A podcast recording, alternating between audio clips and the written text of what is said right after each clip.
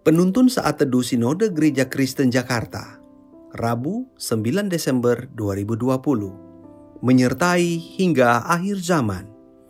Matius 28 ayat 16 sampai 20. Demikian pembacaan firman Tuhan. Dan kesebelas murid itu berangkat ke Galilea, ke bukit yang telah ditunjukkan Yesus kepada mereka. Ketika melihat dia, mereka menyembahnya tetapi beberapa orang ragu-ragu. Yesus mendekati mereka dan berkata, "Kepadaku telah diberikan segala kuasa di sorga dan di bumi. Karena itu, pergilah, jadikanlah semua bangsa muridku, dan baptislah mereka dalam nama Bapa dan Anak dan Roh Kudus." dan ajarlah mereka melakukan segala sesuatu yang telah kuperintahkan kepadamu. Dan ketahuilah Aku menyertai kamu senantiasa sampai kepada akhir zaman.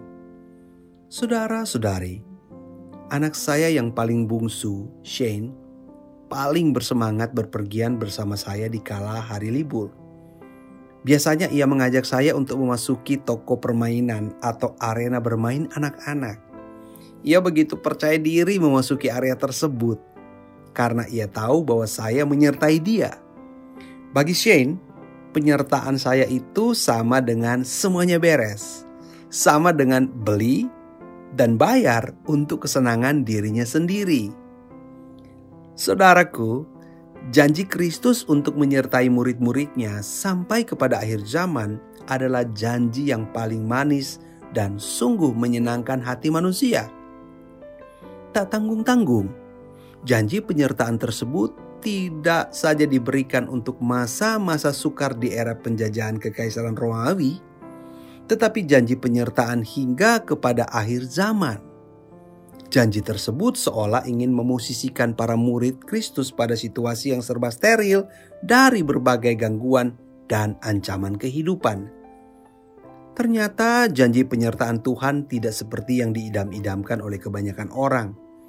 Buktinya, para murid mengalami hidup yang tak steril dari bahaya dan ancaman di sepanjang hidup mereka.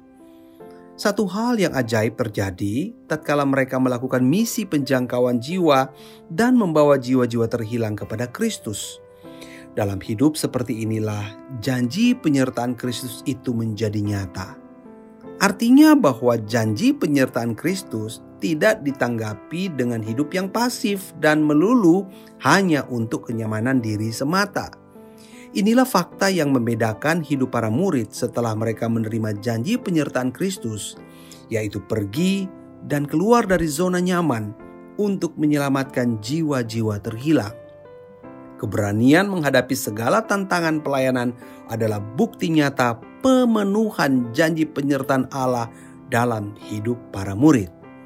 Saudaraku, janji penyertaan Kristus pada kita akan nyata dalam pergerakan pelayanan kita menjangkau jiwa-jiwa terhilang dan memuridkan mereka bagi Kristus. Janji penyertaan Kristus atas kita bukan sekedar janji untuk bertahan hidup menghadapi penjajahan COVID-19, tapi untuk berkarya bagi kemuliaannya.